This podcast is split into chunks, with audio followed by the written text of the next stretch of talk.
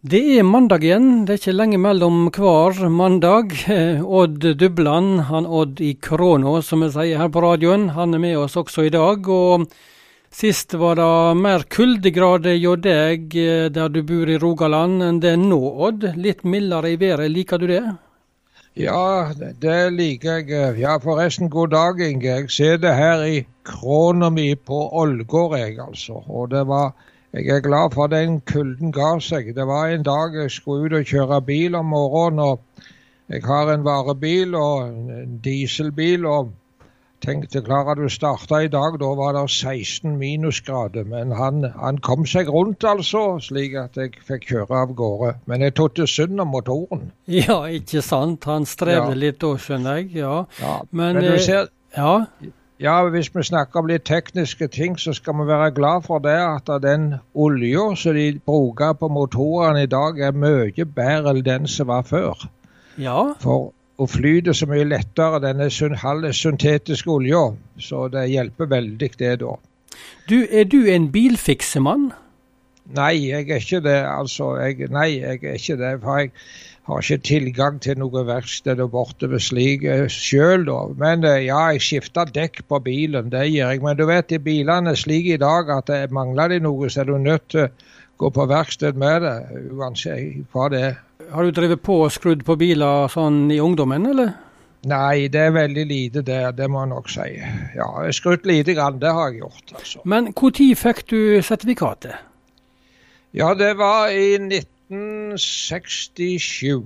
Og jeg får si det slik, jeg har vært veldig heldig. Nå skal jeg ikke rose meg sjøl på det, da, men eh, jeg har ikke vært borti noe alvorlig med bilen. Og jeg har brukt uh, forsikringen min to ganger på bilen og det alle disse år, og det var at jeg fikk uh, steinsprut som knuste frontglasset, og det kunne jeg ikke hjelpe for sjøl.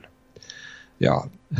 men, men eh, og nå starter vi å snakke om været, så havner vi inn på bil og bilkjøring. Du ser drøsen går, den?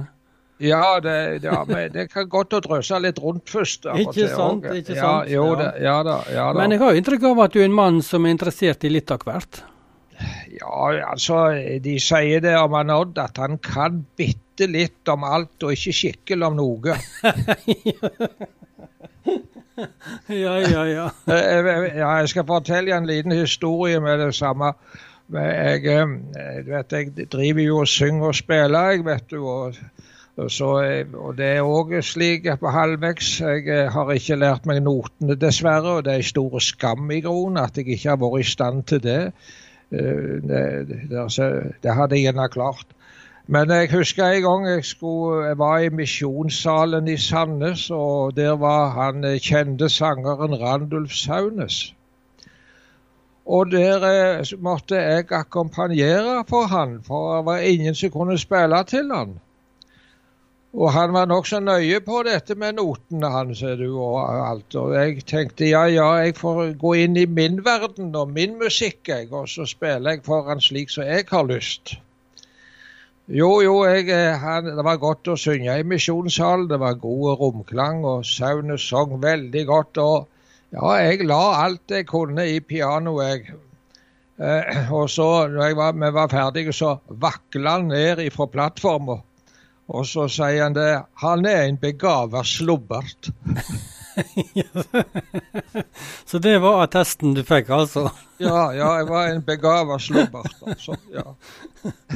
Du, eh, Apropos sang og musikk, vi skal stanse litt for det også i dag. Vi skal snakke om en som gikk i klasse med forfatteren Alexander Kielland i Stavanger i sin tid. Sjøl er han kjent som sangforfatter. Jens Marius Giverholt, født i 18 1948. Han var vel født i Bergen, og så flytta familien omsider til Stavanger. Men denne karen her, han har opptatt deg litt, Odd? Ja, for uh, vi har i det siste program tatt fram en del salmer og sanger som har havna litt i bakevja. Ja, det har vi. Og, og en del av de sangene er noe av det beste vi har i vår sangbok. Og eh, Nå skal vi se litt på en av de sangene som Arius Giverholt har skrevet. Eh, la meg si det òg, at eh, Alexander Kielland som var forfatter og bodde i Stavanger. Han gikk på skole sammen med, med Giverholt. De to gikk i lag. Og det ble sagt det at de kappes om hvem som kunne skrive den beste stilen. Men da var det alltid Alexander Kielland som vant. Alexander Kielland han var en radikal forfatter. Han eh, hørte til de fine. Men han eh, var, likte ikke dette klasseskiljet som var. Han mislikte sin egen stand, og han var jo en samfunnsrefser. Og han eh, ble borgermester i Stavanger og til slutt amtmann i Romsdal, der han også døde da. Ikke så gammel karen. Men i ei bok som heter 'Gift', der skriver han uh, Der har han et kraftig oppgjør med, mot latin-pugginja som var i skolen. Og det er kanskje mange som har hørt dette uttrykket 'flere byer i Belgia'. Flere byer i Belgia. Det er ifra den boka der. Men han hadde sans for haugianerne. Og så skriver han i denne boka 'Gift' om en uh, kar som går i klassen hans som heter Marius. Og han hadde så vakre øyne. Og det var Marius Giverholt. Men disse to det gikk jo helt hver sin vei. Og Marius Giverholt han uh, studerte teologi. Uh, han ville ikke bli prest. Han ville være predikant. Og han eh, kom til Kristiansand, der han starta den evangelisk-lutherske frikirke. Så er det litt historie også der. Og Marius Giverholt han var en foregangsmann i søndagsskolearbeid. Og han er en av de flinkeste sangforfatterne som jeg tykker vi har. En veldig fint det han skriver i sanger. Vi har flere sanger av han i sangboka. Og vi skal stoppe litt for denne sangen 'Sku mot himmelen, løft et øye'. Men Odd, før du, før du stanser mer for den sangen, hva er det med Giverholt sine sangtekster som, som treffer deg, føler du? Ja, altså han, han, har både sol og skygger med. Altså, det er, er, kamp og strid. Og det er trøst i Kristus hos han. Og når han, eh, han, var i Trondheim, i Betania i Trondheim, han bygde opp forresten det lokalet der. Han hadde eh, ble sagt 1000 barn i søndagsskole i Trondheim. Hm, så mye. Ja, det, det, det heter Betania, det lokalet den dag i dag, og det er der Misjonssambandet har sine møter. Og i, eh, i denne søndagsskolen så hadde han ei Ei jente som var hjelpeleder, eller leder i søndagsskolen. Ei kvinne. Og så ble hun alvorlig syk. Og hun døde i sin unge alder. Og da var det Giver Holt skrev sangen 'Sku mot himmelen, løft et øye'. Nå har jeg lyst til å lese den. Så nå skal vi høre ja. denne teksten som altså Jens Marius Giverhold skrev i 1879? Ja, det er en stund siden. Men denne sangen er en av de som ligger i bakevjen. Men jeg skal lese sangen. Sku mot himmelen, løft ditt øye over jordens dunkle stier. Glem ei kronen du har fått. Se hos Gud blir allting godt.